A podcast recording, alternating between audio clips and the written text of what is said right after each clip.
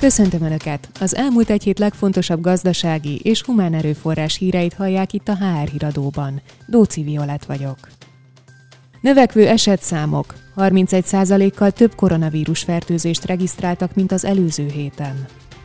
Csőt hullámot hozhat a 200 ezres minimálbér. Az MGUS alelnöke szerint elbocsátások jöhetnek, ha megvalósul az emelés. Már lehet jelölni az év HR vezetője díjra, a Behavior magazin kiemelkedő HR vezetők pályázatait várja. Közzétette a pénteki koronavírus adatokat a koronavírus.gov.hu. 323 új fertőzöttet igazoltak. Ezzel a járvány kezdete óta összesen 814.732 főre nőtt a beazonosított fertőzöttek száma Magyarországon. Az egy héttel ezelőtti fertőzés számhoz képest a napi eset szám 31%-os növekedést mutat. Az Egyesült Államokban is jelentősen nőtt a koronavírus esetek száma. Csak csütörtökön 160 ezer új fertőzöttet regisztráltak. Több amerikai nagyvállalat, amely ősszel tervezte irodái újranyitását, a halasztás mellett döntött. Közöttük van a Microsoft, a Wells Fargo, a BlackRock, az Amazon, a Facebook és a CNN is. Csőt hullámot hozhat a 200 ezeres minimálbér a Munkaadók és Gyáriparosok Országos Szövetségének alelnöke szerint. Rolák Ferenc a portfóliónak adott interjújában azt mondta, hogy legalább 5%-os szocó csökkentésre lenne szükség a bruttó 200 ezer forintos minimálbérhez. Ha ez nem valósul meg, elbocsátások és vállalati csődök jöhetnek az alelnök szerint, mivel a minimálbér ilyen arányú emelése hasonló béremelési igényeket eredményezne az 500-600 ezer forintos bérszintig bezárólag. Júliusban 8%-kal nőtt az ipari termelés az egy évvel korábbihoz képest, közölte a KSH.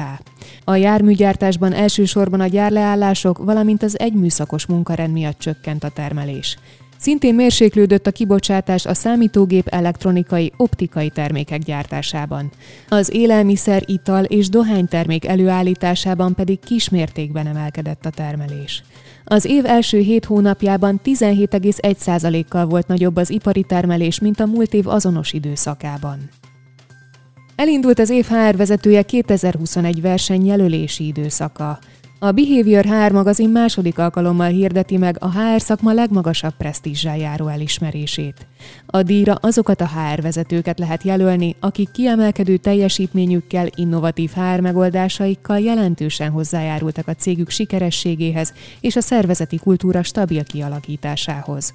Az ajánlásokat október 4-ig a kiadókukacbehavior.hu e-mail címen fogadják a szervezők. Szeptember 16-án a Job for Me virtuális állásbörze szervezői díjmentes online prezentációt tartanak a toborzás témakörében. Az előadás olyan kérdésekre ad választ, mint például, hogy a jelenlegi bizonytalan helyzetben hogyan érdemes tervezni toborzás szempontból.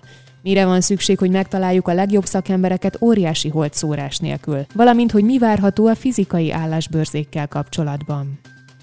Október 7-én ismét megrendezi a Behavior magazin a Humán Hungerit. A konferencia fókuszában a Covid-válság utáni gazdasági fellendülés és munkaerőpiaci megújulás áll. Az eseményen előad Tarianna Mária pszichoterapeuta, Bolyár Gábor a Graphisoft Park elnöke, Kovács Ágnes olimpiai bajnok úszó és Balog Levente a Szent Királyi Magyarország tulajdonosa. Részletes programért látogassanak el a www.humanhungary.hu weboldalra. Ez volt már a HR híradó. Hírszerkeztünk Bajsánszki Zsanett és a magam nevében is köszönöm, hogy minket hallgattak. Jövő héten ismét friss hírekkel jelentkezünk. Viszont hallásra!